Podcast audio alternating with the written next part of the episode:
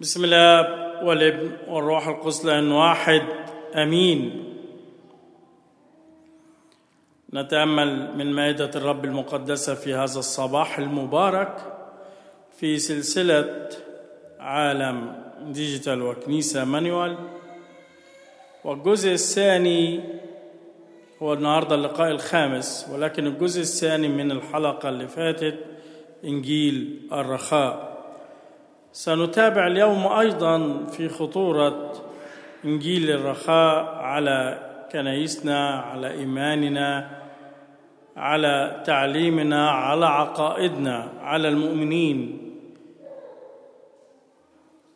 وأرجو من حضراتكم أن تعيدوا المتابعة من خلال اللقاءات اللي فاتت على كل مواقع التواصل الاجتماعي. فالنهاردة الجزء الثاني من عالم الرخاء إنجيل الرخاء إنجيل الرفاهية السعادة من السلسلة في الجزء الخامس. أراجع مع حضراتكم الكلمات التي هي عنوان هذه السلسلة ويا ريت نقولها مع بعض كما اعتدنا. تفضلوا مع بعض. نريد طرق تبشير جديدة وليست بشرى جديدة. الجزئية الثانية أو المعطى الثاني العالم عنده أسوأ مادة ولكن عنده أفضل إعلام. الكنيسة تملك أفضل مادة ولكن عندها أسوأ إعلام. ده العنوان العام لعالم ديجيتال وكنيسة مانوال في انجيل الرخاء الجزء الثاني منه اليوم بتكلم عن عنوان قد يكون صدمه ولكن واقعيا ربما نعيش فيه بدا ينتشر في كنايسنا في مؤمنينا في حياتنا العامه بقصد أو بدون قصد بتعليم من مسؤولين كبار أو ربما بدينا نفهم حاجات من الناس اللي حوالينا. عنوان اليوم هو رشوة الإله رشوة الله. هل يتمتع مؤمنين اليوم بمفهوم خاطئ إنهم يعتقدوا إنهم بيعطوا الله وأصبحت هذه العطايا كأنها رشوة؟ ربما جميعا نقول لا حسنا. ولكن في الواقع تتفاوت النسب في فعلنا لهذه الأفكار السلبية التي دخلت الكنيسة. أحكي لحضراتكم قصة حقيقية حصلت معي. في يوم من الأيام بنت أخويا لورا اتصلت بيا بتقول لي عندها امتحان ترم وكانت خايفة بالليل من المادة اللي هتمتحن فيها. فبتقول لي أطلب منك طلب. قلت لها اتفضلي. ممكن تصلي لي للمادة اللي بكرة عشان أنجح؟ فاسترسلت معاها بنوع من الهزار. قلت لها أوكي أصلي لك. ولكن ادفعي فلوس. مفيش صلاة ببلاش قالت لي معقولة أبونا؟ في صلاة بفلوس قلت لها أيوة. قالت له إن شاء الله كام الفلوس دي. قلت لها 200 دولار. قالت لي 200 دولار؟ عشان تصلي لي عشان امتحن بكرة وانجح؟ قلت لها أيوة. فلقيتها ضحكت بهستيريا.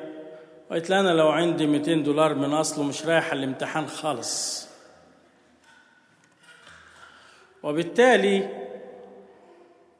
من هذه المزحة أو النكتة فعلا ربما نعتقد أن إيماننا يتعلق بعطايا في وقت الحاجة. ليست عطايانا تكون صافية ربما ببساطة إيماننا لا أدين ذلك. لكن أنقض إن جاز لي التعبير وإن سمح لي الظروف من يفعل عن قصد. تكلمنا الأحد الماضي على أن مفهوم إنجيل الرخاء وعاظ المبهرين الذين ملأوا شاشات التلفزة وخاصة في عالم الستلايت وأصبحوا نجوم سينما. مرموقين. بل البعض غال بأنهم يكونوا إنجاز التعبير سر مستري حتى يكونوا مرموقين والناس تلتفت إليهم وليست للكلمة. غالوا في مظهرهم في إمكانياتهم في مكياجهم في ملابسهم. وفي الأماكن حتى اللي كمان بيذيعوا منها تعليمهم. والغريب أن هذه الأماكن لا تمت بصلة لشكل روحي. استاد مسرح وخلافه. اندثرت مع هؤلاء مفهوم المبنى الكنسي. بيت الله. وأصبحت أماكن قاعات تتحلى بالاضاءه ال light system والاضاءه الحديثة والتكنولوجيا والإبهار. حسنا نقدم ما هو أفضل لله ولكن سلبا أن نقدم ما هو أفضل لنا. حتى الجميع ينبهر بنا. والأصعب أن هؤلاء تمتعوا بشعبية لا مثيل لها على الإطلاق. بل المؤمنين حبوا الأشخاص دول وأصبحوا لهم نموذج ومثال. وكأن هذا المثل الأعلى لهم في هذا العصر ينتظرونهم يبحثوا عنهم أين هم حتى يذهبوا ليسمعوا لكلمتهم. ولم يسمعوا لتعاليم الله بل هؤلاء الأشخاص اللي أصبحوا نجوم الفضائيات. مبشرين اليوم ليس جمعا أو حصرا ولكن فئة منهم قليلة. أصبحوا كأنهم نجوم سينما أكثر من أنهم يكونوا معلمين كلمة الله. في تعاليمهم السلبية التي أصبحت خطورة على الكنيسة يعلموا في مواقعهم في ال website وفي البداية وفي كل أماكنهم الوجهه العريضة البوابة العريضة لتعليمهم كلمات إيمانية مسيحية صحيحة. يؤمنوا بالكتاب المقدس من سفر التكوين لسفر الرؤيا يؤمنوا بصليب يسوع المسيح يؤمنوا بالخلاص يؤمنوا بكل ما هو إيجابي. إذا ريتوا كل المعطيات عنهم وتعريفهم عن ذاتهم حتكتشفوا الوجهه رائعه محنكة لاهوتيا صحيحة كتابيا صحيحة ولكن ما يندس وسط هذا التعليم هو السلبي وليست الواجهه الخارجية.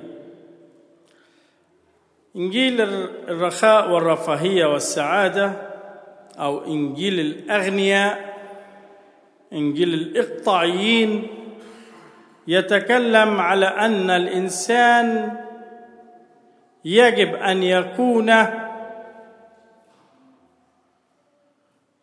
مباركا من الله. إذا كان مبارك من الله يتمتع بثلاثه صفات. ده بالرجع المرة اللي فاتت. يتمتع بالرخاء بالسعادة بالرفاهية. يتمتع بالصحة ويتمتع بالغنى المادي. وإذا عنده الثلاث معطيات والعناصر دول معناه الله بيحبه وباركه وميزه عن الآخرين.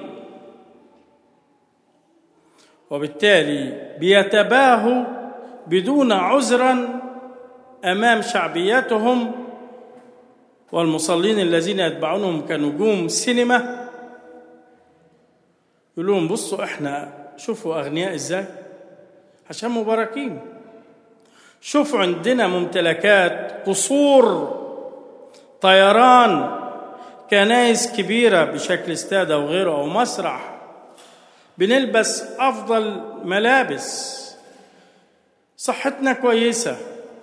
عندنا ملاعب. وعندنا كل شيء يحتاجه الإنسان على وجه الأرض.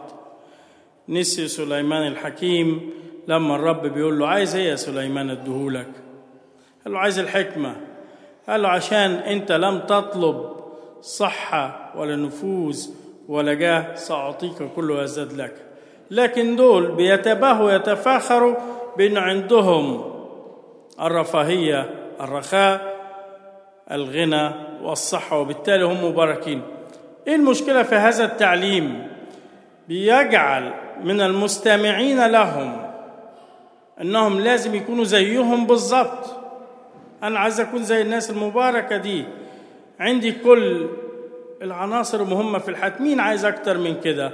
صحة وجاه ورفاهية. وعلموا هذا التعليم أصبح في أمريكا بشكل بشع من أوائل القرن التسعة عشر وازدهر أكثر في الخمسينات وحاليا والسبعينات زاد وحاليا انتشر بدون حرج. ودخل في مصر ودخل في كنايسنا ودخل في كل الطوائف المسيحية. وبدينا نخلط ما بين أن الله يعطينا نعم وأن نكون إحنا بنتباهى بهذه النعم. عشان تحصل هذه البركة إنك تكون شخص مثالي. إن الرب يعطيك هذه البركات لأنك أنت شخص صالح. وبالتالي من لا يملك هذه الملكات والنعم والمواهب هو شخص طالح سيء. يعني يقول لك تقول له طب أنا ما خدتش ليه الحاجات دي؟ يقول له عشان أنت خاطئ. شوف أنا كويس ربنا باركني. أنت ما عطلكش حاجة من ده كله لأنك أنت شخص خاطئ. فميز عنصرين؟ الأبرار والخطأ بحسب مقياسه هو وكأن من لا يملك الثروة والصحة والرفاهية هم الخطأ. واعتقدوا أنهم أبرار أمام الله وأمام المجتمع ولا ينقصهم شيء. طب إزاي أكون زيك؟ لازم يكون عندك إيمان. وهنا اللعبة في المفتاح كلمه المفتاح الإيمان. يعني إيه يكون عندي إيمان؟ يكون عندك الإيمان بذره تزرعها تنمو. ثمرة هذا الإيمان أن تجني هذه الزرعة والثمرة والبذرة. أن يكون عندك صحة عندك فلوس عندك رفاهية ممتلكات لا حصر له. ده خطورة بشكل عام العنوان والتلخيص لإنجيل الرخاء. نسيوا حاجات كتيرة في التعليم الكتابي. وبرروا أفكارهم السلبية من أكثر من آية في العهد القديم.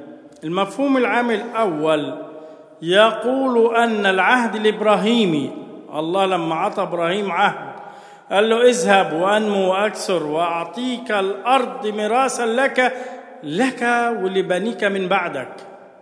استعملوا هذه الآيات أسوأ استغلال. مين هم أبناء إبراهيم والمباركين؟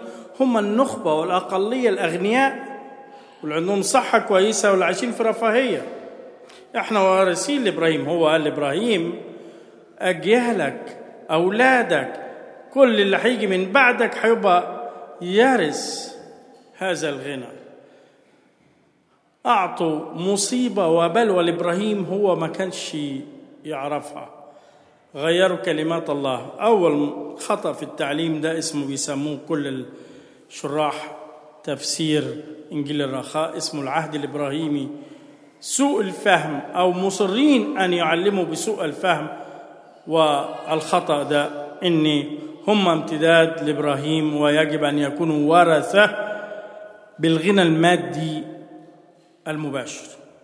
سفر التثنية إصحاح 8 من أسوأ الآيات اللي استعملوها خطأ في آية 18 بيقول بل أذكر الرب إلهك إنه هو الذي يعطيك قوة لاصطناع الثروة ليفي بعهده الذي أقسم لأباك كما في هذا اليوم.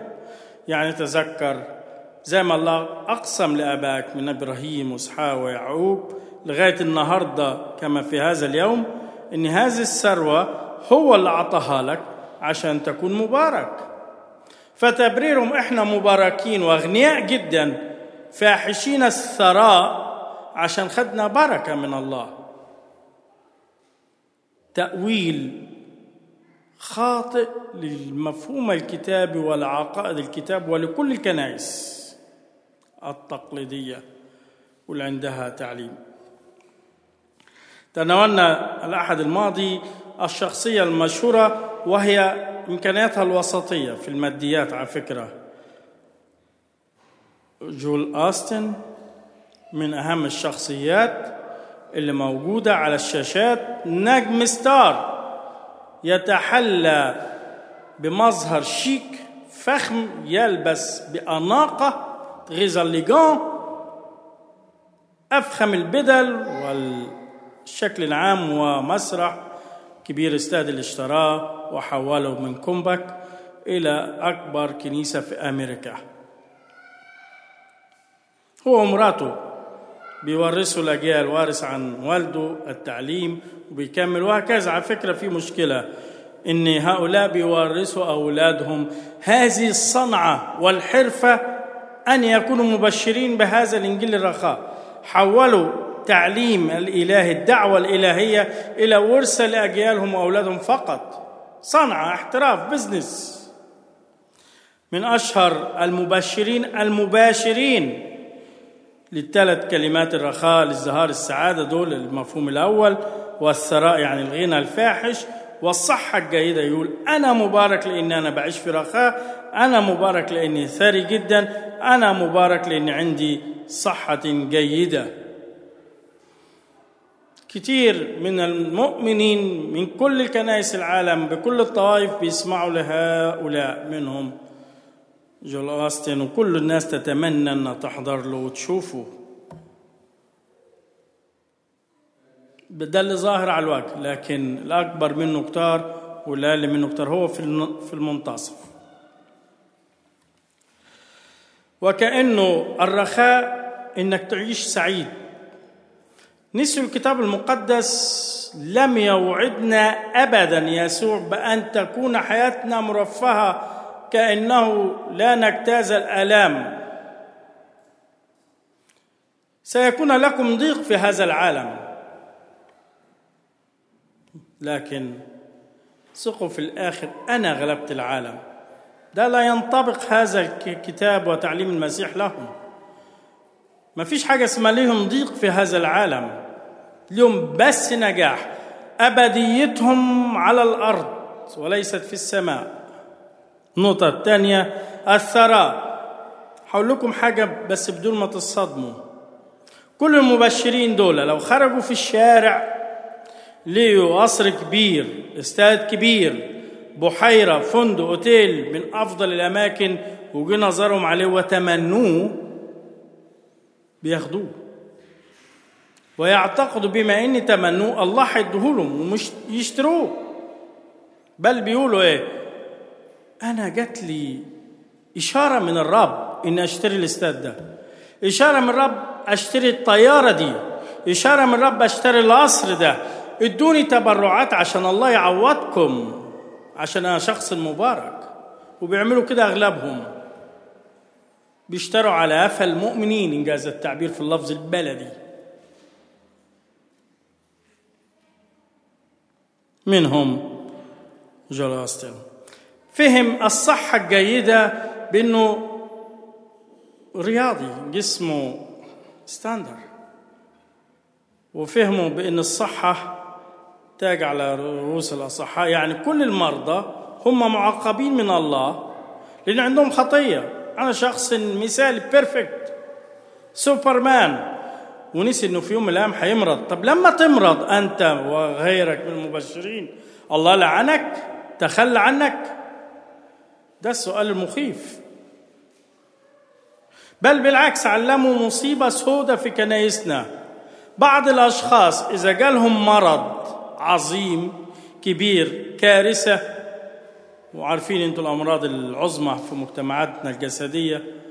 علموا الناس لا الله هو اللي شافيك ما تروحش للدكتور إزاي ده؟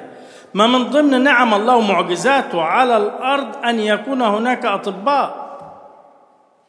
لا كلم الرب على طول ما تروحش للدكتور إذا ذهبت لطبيب فأنت غير مؤمن. عشان كده يجي ناس النهارده في مصر بالذات تقول له يا عم روح اكشف. أنت مش مؤمن؟ الله يقدر يشفيني. هتموت يا عم. ده أنت اللي هتموت الله هيشفينا. أنا عارف إنه هيعمل لي معجزة. ده ناتج من تعليمهم. بدأ في جدل كبير ان مش ممكن ابني يمرض مش ممكن أنا أمرض زوجتي أولادي لإني أنا مبارك. اللي بيروح للأطباء دول قليلي الإيمان. ده يسوع نفسه كان بيقول له اذهب إلى الكاهن حتى تبرأ. كان هو اللي بيعمل معجزة ويقول له خد شهادة تبريرك إنك شفيت من الكاهن. يعني بآن ذاك كأنه الكاهن هو الطبيب في الوقت ده. للأبرص وغيره وغيره. هم علموا الناس. حتى الطب هو ضد الحياة. كارثة. طب إيه رأيهم في إنجيل يوحنا الإصحاح التاسع الأعمى منذ مولده. كان نفس التعليم الخاطئ ده اللي عند مبشرين الرخاء. الفريسيين نفس الفئة من إنجيل الرخاء. أمن أخطأ هو أم أبواه؟ بيسألوا يسوع بيجربوه والتلاميذ بيسألوا إحنا تعلمنا إذا في حد نال مصيبة في حياته يبقى هو سبب الخطية. يبقى الله مش مباركه. المولود أعمى هو ما عملش خطية لكن اتولد أعمى فبيعتقدوا بما أنه أعمى وخاصة مولود به هذه العاهة والإعاقة فإذا هو خطية أهله أو هو. لكن يسوع قال لهم ولا هو ولا أهله صححوا مفهومكم عن الأمراض والأخطاء والرفاهية. وعن إنجيل الرخاء. بل بالعكس في أمراض وفي مشاكل وفي آلام ليظهر مجد الرب من خلالها ومنهم الأعمى منذ مولده لتظهر أعمال الله فيه مباشرة مش محتاجة فلسفة ولاهوت جديد. ما عندهمش إجابة لهذا النص. بل بيتبجحوا بأن ده مش المظبوط. وصلوا لأنهم اعتقدوا عندهم البر الذاتي. بما إن أنا كويس أنا ممتاز أنا بيرفكت مشكلة البر الذاتي إيه هي؟ خطية البر الذاتي. هي إن أنا مش محتاج مفاعيل التوبة. أتوب ليه؟ أعترف ليه؟ أخلص ليه؟ لأن أنا okay perfect مش محتاج. ده موجود للخطأ. وإحنا صالحين. الشعور بان أنا راضي عن نفسي كامل لا يعوزني شيء هذا تعليم رجاء ال ال الانجيل الرخاء. عندهم البر الذاتي كاملين مش محتاجين حاجة. لكن على الإنسان أن يوازن بين محبة الله وعدله أنا عملت فيهم عظتين مهمين. محبة الله هي رحمته وعدل الله من يعلم بعيد عن محبة الله وعدل الله أخطأ في تعليم الكنسي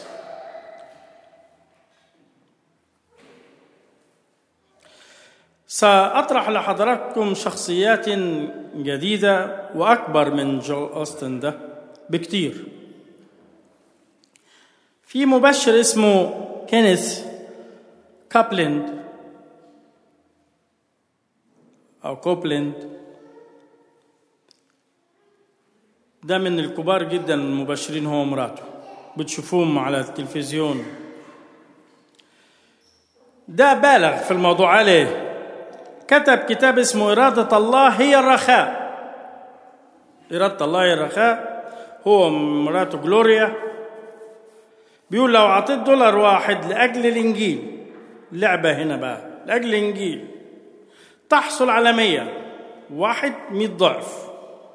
إذا أعطيت عشرة تحصل على ألف. إذا أعطيت ألف تحصل على مئة ألف. أضعاف. ما قالش حتى العشر زي ما قال الكتاب. ده عملوا بورصة لنفسهم. لأجل الكتاب لكن الكتاب هنا مش إن البشارة إن يبشروا فيها. لاحظوا الفرق الخط الرفيع جدا ما بين أن نعطي لأجل البشارة والمكرسين والخدام والكنيسة لإنها تزدهر وفي فرق إن نعطي الأشخاص مرضى بيعتقدوا إنهم مبشرين العالم الصحاح العظماء ويغنوا لذاتهم فقط. اديني دولار الله هيدي لك مية. اديني عشرة هيدي لك ألف. اديني ألف هيدي لك مية. أنا عايز أقول له أنا أحسن منك. اديني مليون الله هيديك مئة مليون. بس للأسف مش هلاقي زيهم العينة العظيمة الساذجة دي لأن مش هينفع معانا. الشعب بتاعنا لو عطلك دولار اشكر ربك. ده في منهم أشخاص قالوا الله أعطاني رسالة إن لازم تجيبوا لي طيارة. لموا تبرعات لأني لازم تلبوا نداء الرب عشان الرخاء ولازم تجيبوا لي طيارة.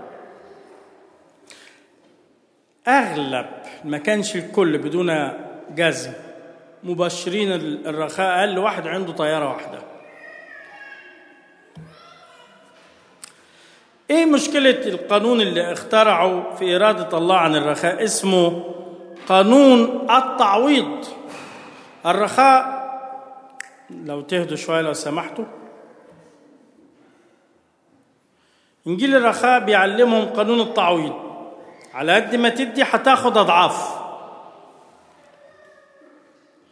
عملوا لاهوت جديد خاص بيهم. أعطي تاخد أضعاف. فبالتالي الناس رايحة تسمع دول. عشان مباشرة أعطي عشان تاني يوم أخد أضعاف. عايز أقول لكم حاجة. كأنهم عملوا بورصة خاصة. اديني 100 دولار النهاردة من بكرة تنظر لأرصدتك. زادت الألف دولار ولا لا؟ طب وإذا ما زادتش يقول لك آه لأنك أنت خاطئ. المشكلة فيك مش في الله. يا عم إحنا سمعنا كلامك. آه بس أنت خاطئ. غير مستحق إنك تعوض. لدرجة يقال بحكايات موثقة في ناس قالوا لهم ما عندهمش يدفعوا باللات الكهرباء والجاز والإيجار. قالوا لهم ادفعوا عندي عشان تعوض.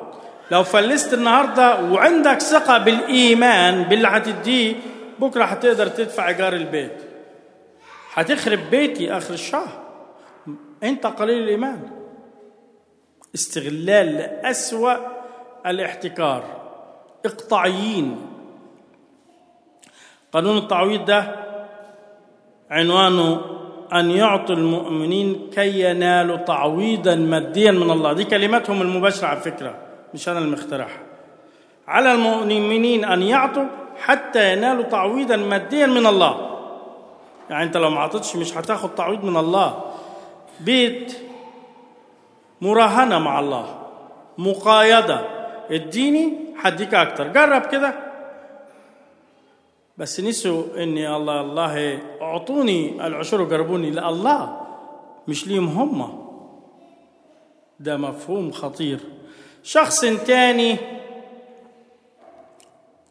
عايز أقول لكم بدون ما تاخدوا الموضوع الشخصي الصلاة عند قانون التعويض هي البرهان إنك أخذت ولا لا. قانون التعويض هو أنك تعطي وانتظر المفاجات شخص آخر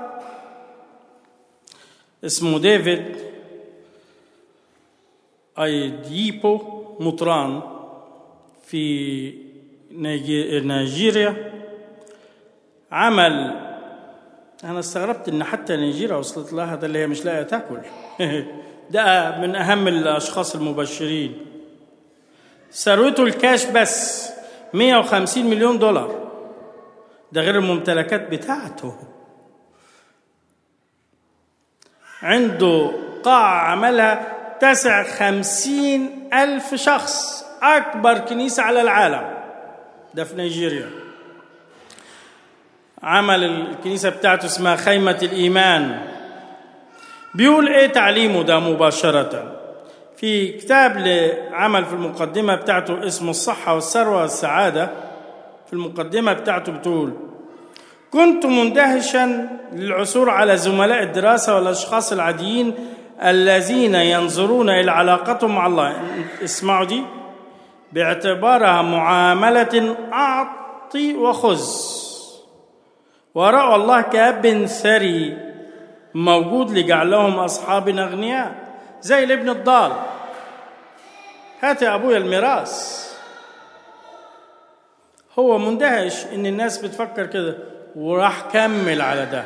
في بداية حياته ليه الناس معتقدة أن أبوهم السماوي إنسان ساري يعطي. فمشت مع الفكرة وعمل هذا اللاهوت وعمل كتب وأصبح من أغنياء وأثرياء العالم. ده عنده مطار خاص بيه بيه ثلاث طيارات. تبشير إيه ده؟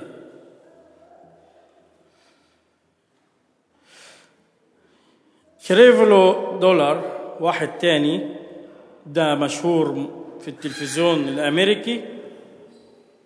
مؤسس الكنيسة العالمية لتغيير العالم.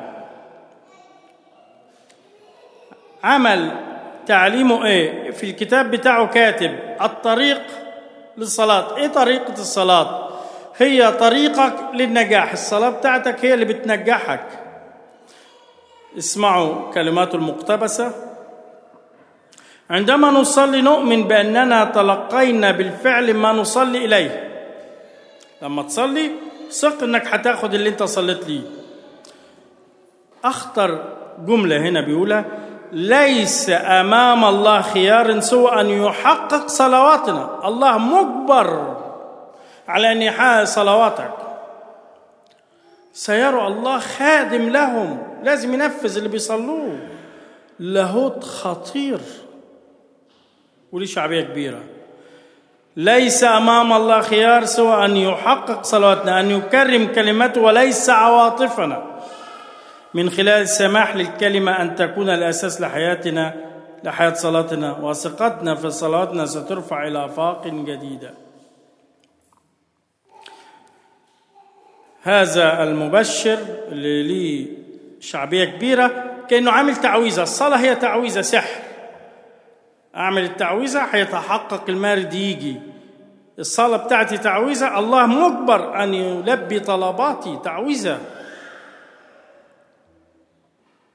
نسي إن يسوع صلى في بستان جسمان وبيقول لله أنا نفسي إنك تشيل عني هذا الكاس لكن لتكن إرادتك يا الله أبي لم يطبقوا كلمات الله ويسوع ابدا. يسوع نفسه قال إيه؟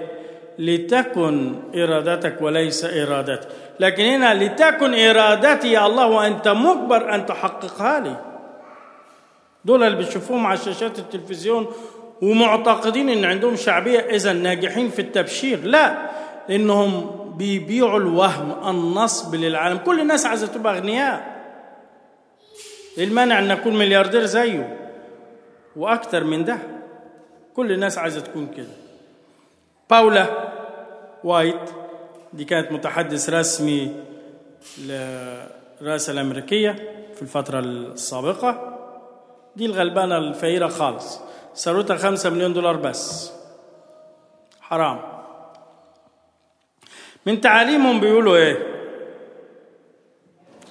طب ليه إحنا مش بيجينا لما بنصلي لربنا ما بيديناش زيكم؟ بيقول لهم لأن عندكم خطأ في الصلاة. اسمعوا الآيات والفكر بتاعهم. بيغيروا كلمات رسالة يعقوب الاصحاح الرابع حسب مزاجهم.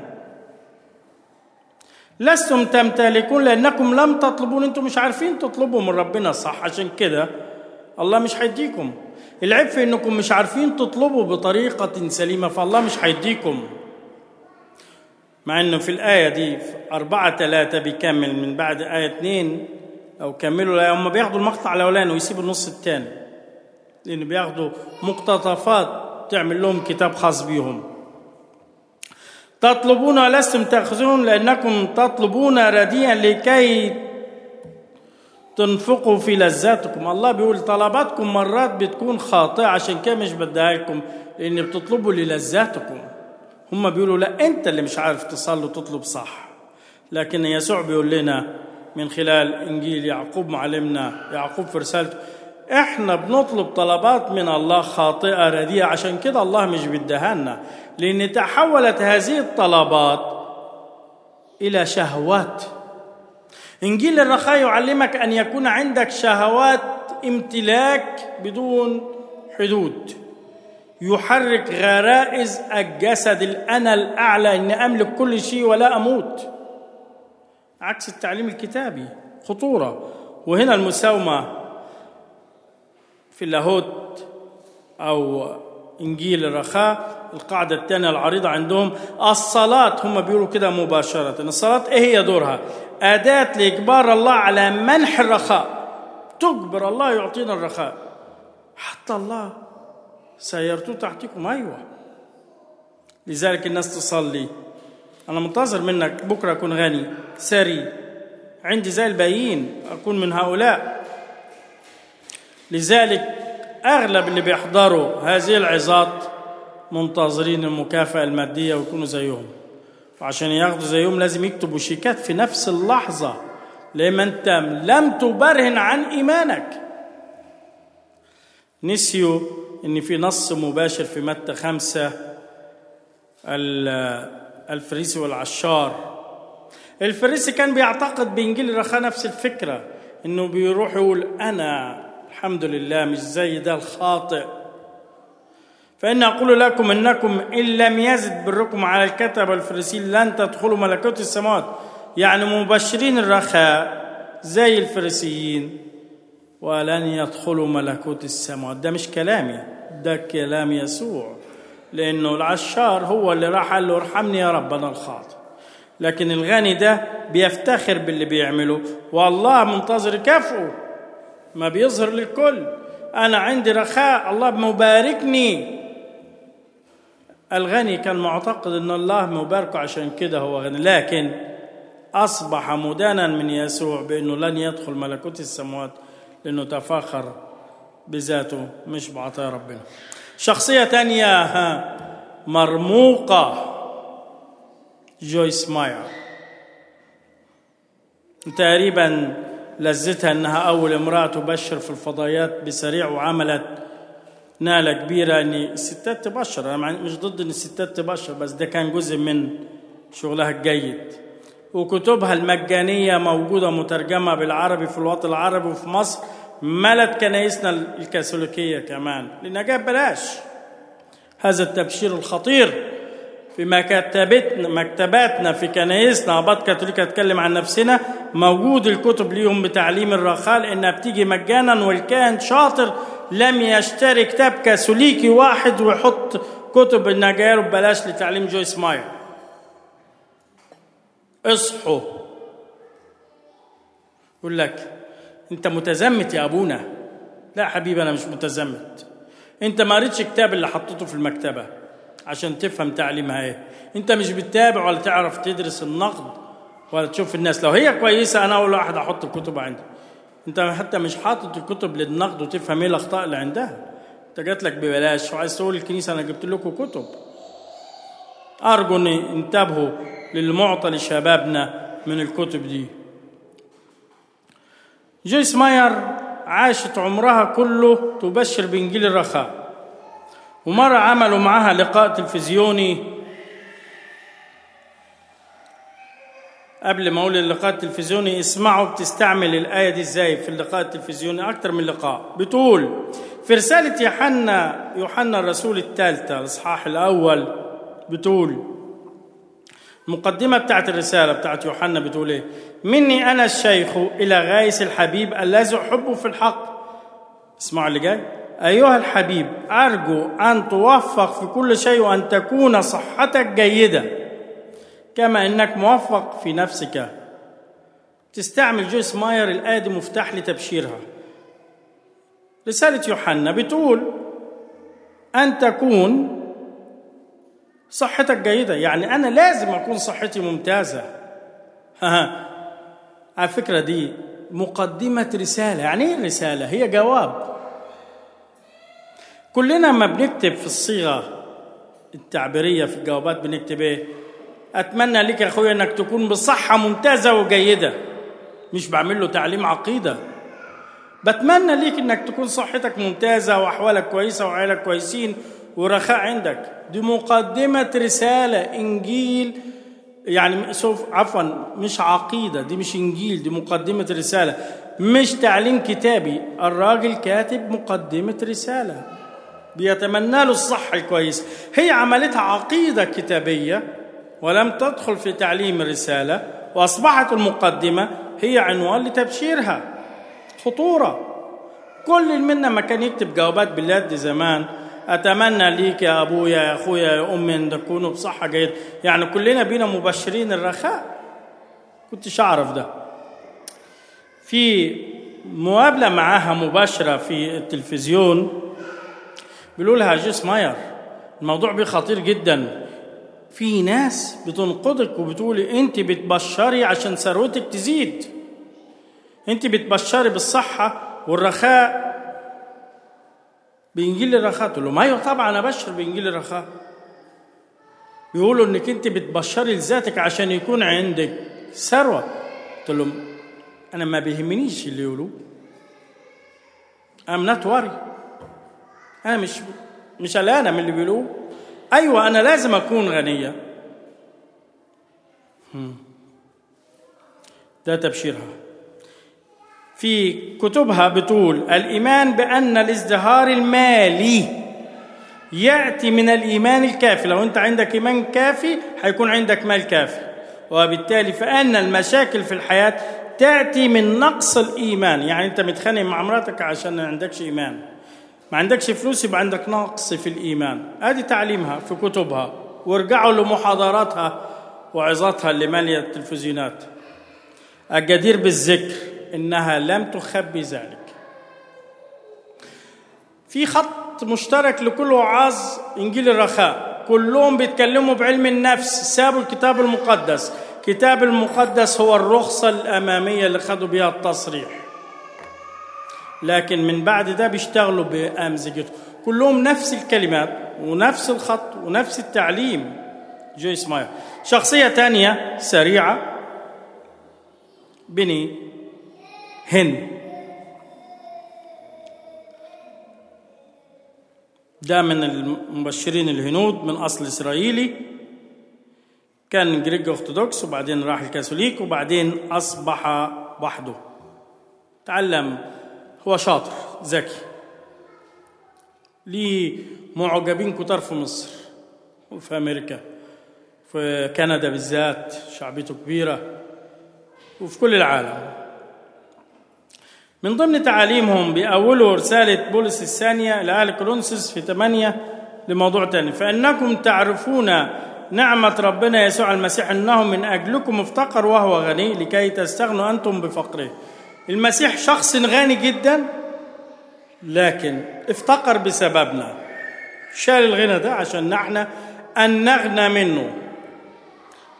يعني يا جماعة أنتوا اللي بتفهموا الإنجيل غلط.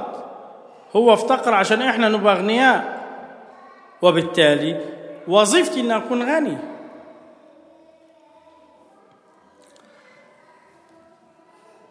الاثنين دول لهم شعبية كبار زي جول أوستن دول. في الشاشات وكل الناس بتفرح بيهم. الغريب في 2019 ركزوا حضراتكم جويس ماير في أول تقريبا في يناير 2019 قالت يا جماعة أنا غلطت في تنجيل في إنجيل الرخاء. أنا فقدت التوازن بتاعي ما بقتش فاهمة اللي أنا بقوله. كنت بقول لكم زمان لو ابنك مرض مش مهم. لأن أنت عندك ضعف إيمان. وبتقول دلوقتي أنا بديت أصحح نفسي. لأ. ده أنا صححت إيماني. ابنك مرض لأن هناك في آلام سيكون لكم ضيق في الحياة. يسوع ما وعدناش ابدا إن نكون في كوكب مثالي ناجح ما فيهوش أي آلام. أنا غلطت طول حياتي. برافو.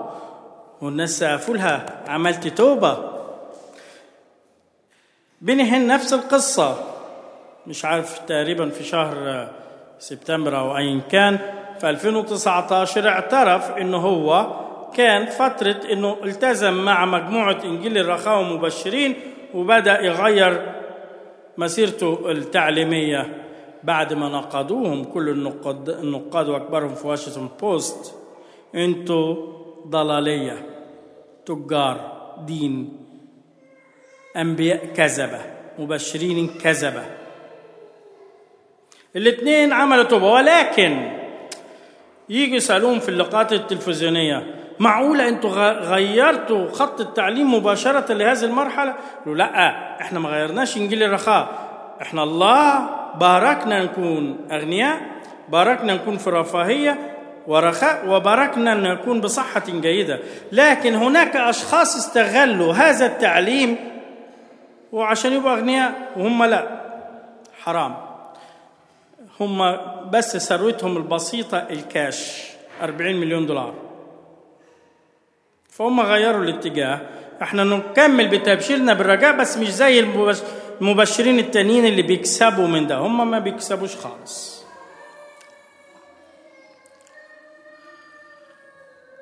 نسيوا الكتاب المقدس. ده من المشاهد اللي قدام حضراتكم.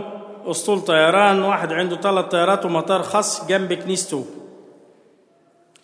إنجيل ده عنده 150 مليون بس كاش غير الممتلكات التانية. أربع طيارات خاصة ليه. نسيوا رسالة تيموثاوس بتقول لأن محبة المال أصل لكل الشرور. الذي إذا ابتغاه قوم ضلوا عن الإيمان وطعنوا أنفسهم بأوجاع كثيرة ده تبشير الميديا الحديث. كنت بقول لكم عالم digital وكنيسة manual إن نبشر بالميديا وما زلت أقول أول واحد أقول من أنا صغير بشروا بالميديا. لكن مش كل اللي في الميديا هو شخص سليم. عليك أن تنقي عندك عقل تميز من الصح من الخطأ. ما يؤمنوش بأن محبة المال أصل لكل الشرور. عشان كده أنا سميت النهارده عنوان عظة اليوم رشوة الإله. دول بيعلموك إنك ترشي لله تدفع تبرعات جويس ماير كل مرة في تعليمها إذا أنت إيمانك كامل طلع دفتر شيكاتك دلوقتي وادفع. لتبشير جويس ماير مؤسسة جويس ماير. وإذا أنت ما طلعتش دلوقتي يبقى أنت إيمانك غير كافي. طبعا لازم يطلعوا boom في لحظة. ده موجود على الفيديوهات. أنا مش بألف بس مش ما عنديش مساحة أعرض الفيديوهات وأوثق ده قدامكم. موجود. حتى قالوا لها يعني أنتوا كل مرة بتقولوا طلع الشيكات طبعا لازم تطلعوا الشيكات ما أنت مؤمن إزاي؟ برهن عن إيمانك. اللذيذ في الرسم اللي قدام حضراتكم ده وأرجو إنكم تشوفوه وركزوا فيه. خلوا المؤمنين البسطاء هم كبش الفداء للعطايا. الذين يقدمون قرابين معتقدين أنها تكون لله ولكن هي في الآخر للمبشرين الجدد دول الوعاظ يسحبوا الحصيلة منك ويجروا بيها. شوفوا الرسم اللي قدامكم. إحنا بنقدم عشور بس مش لأبونا ولا لأي حد لخدمة الكنيسة والبشارة. مش عشان أنت أرصدتك تزيد. هو ما عندوش مانع يقول لك لازم أرصدتي تزيد لأن أنا لازم أكون مبارك. وإذا أنا مبارك أنت هتكون مبارك. عارفين المثل المصري اللي بيقول جاور السعيد تسعد كل اللي بيروحوا يصلوا هناك كده. منتظرين يسعدوا زي الأغنياء دول. أنت تقدم عطاياك هو ياخدها ويحط في ثروته. ده اليوم أحصائيات كاملة. دول بيفكروني بنص أعمال الرسل وحنهي بيه سيمون الساحر. لما رأى سيمون إنه بوضع أيدي الرسل يعطى الروح القدس قدم لهم دراهم قائلا أعطياني أنا أيضا هذا السلطان حتى أي من وضعت عليه يدي يقبل الروح القدس. فقال له بطرس لتكن فضتك معك للهلاك لأنك ظننت أن تقتني موهبه الله بدراهم ليس لك نصيب ولا قرعة في هذا الأمر لأن قلبك ليس مستقيما أمام الله. لدرجة واحد شاف الرسل بيعملوا معجزات قال لهم خدوا فلوس وادوني السلطان اللي اسمه الروح القدس ده. هم عملوا كده. المؤمنين بيروحوا عندهم ويقولوا لهم ادونا النعم اللي أنتوا خدتوها من الروح القدس. وكلهم بيبشروا بالروح القدس الغريب ده. فالمؤمنين عايزين يكونوا زيهم. آخر مشهد أديه لحضراتكم دي أكبر الشخصيات الموجودة إن شاء الله تقدروا تشوفوها وكل واحد سألته أنا لم أعمل موضوع شخصنه وأقول أرقام عشان إن أفضح ناس. ده موجود على النت على فكرة. ولكن عشان تتعلموا إن مش كل ما هو مبهر وكل من هو عامل مواعظ في الميديا يكون يصلح يدخل بيتنا ويبشر ويعلم أولادي أسيبهم وبيتي واقرا لهم كتب وأتبعهم. وأسيب القداس لحد والأسرار والكنائس المفتوحه عشان ال super star دول. لدرجة إنهم في مصيبة عملوها. دول جزء منهم على فكرة الموجودين على الشاشة ده حضراتكم. خلوا ناس كتير مرضى عواجيز ومسنين وبكراسي متحركة وإعاقات جامدة جدا يروحوا في الاستاد وينتظروا الشفاءات. ويقدموا فلوس بس ما بيشفوش. قالوا لهم لأنه أنتوا لسه إيمانكم غير كافي ما بتدفعوش كويس. يا عم ده إحنا مفلسين أساسا المرض ما خلاش. ما هو كده برهن بإيمانك. الناس دي مشيت محبطة. لم ترى مجد الله لم ترى المعجزات لم تحل لهم معجزات وكانوا متخيلين المبشرين دول يعملوا معجزات. المشكلة أن راهنا في كنايسنا بأن رجال الله الصالحين من يفعلون المعجزات زي دول اللي على الشاشات ده هات لي أسيس بيقولوا عليه يعمل معجزة يفتح Time Square كله. العالم يتمالي عنده هناك. هات قسيس يصلي ولا واحد يروح له. عايزين كهنة بهذا الشكل. يلمس يطير. magic. سحر. وعايزين كهنة أقباط كاثوليك كده وأرثوذكس كده وبروستانت كده الراديكاليين يكونوا زيهم كده. حتى البروستانت متبرئين من دول. الشعب الذي يصنع الواعظ المخادع. مش المشكلة في الواعظ. المشكلة فيك أنت كمؤمن. أنت اللي صنعت هذا الدجل. أنت اللي عملته ساحر بس بثوب كاهن. بثوب رجل الله. عنده مسحة. ده مبارك. زهقت من الكلمات دي. ده ممسوح من الله. ده مبارك من الله. والناس كلها تجري وراه تروح ولا بيعرف يعمل حاجة. طب لما بيعيا بيروح فين؟ الممسوح من الله. المبارك من الله. بيسافر بره بفلوسك يا حبيبي. يتعالج في أفخم المستشفيات في أمريكا. لكن انت لما تعيا ان شاء الله يودوك لحانوتي بسرعة. مش مؤمن. آسف. صنعنا رجال دين تجار.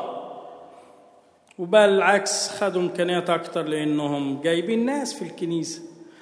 ده في ناس ما بتجيبش للقداس للمؤمنين اللي في خارستيه مؤمنين. لكن تجيب لي العظات أكتر من اللي يحضروا القداس هل ده تعليمنا الكاثوليكي الصحيح وكنايسنا وإيماننا والكنائس التقليدية كاثوليك وارثوذكس وبروتستانت لا أعتقد. العيب في الشعب مش في المبشر ده. أنت اللي صنعته دكتاتور أنت اللي صنعته ظالم أنت اللي صنعته دجال أنت اللي عايز تعمله سمون الساحر لأنك بتمجده. ونسيت أن الله موجود. مين النهارده بيروح يصلي قدام الإفخارستية ويطلب نعمة من الله؟ لكن بيروح يتمسح في أبونا يتصور معاه صورة. ده في كهنة في القاهرة. لو حبيت تاخد معاه صورة لازم ترجع للسكرتير بتاعه. وإذا عطلك ميعاد وليه تاخد الصورة؟ حابين رجال الدين بتوع الشاشات. خطورة يا جماعة. أنا مش بحب رجل الدين عشان هو. هو يا ريت يعرف يخلص نفسه. أنا وانتوا بنجري عشان نخلص أنفسنا مش نعمل معجزات. إحنا لم نصنع لعمل معجزات على فكرة. المعجزات مش دليل إنه ده رجل الله.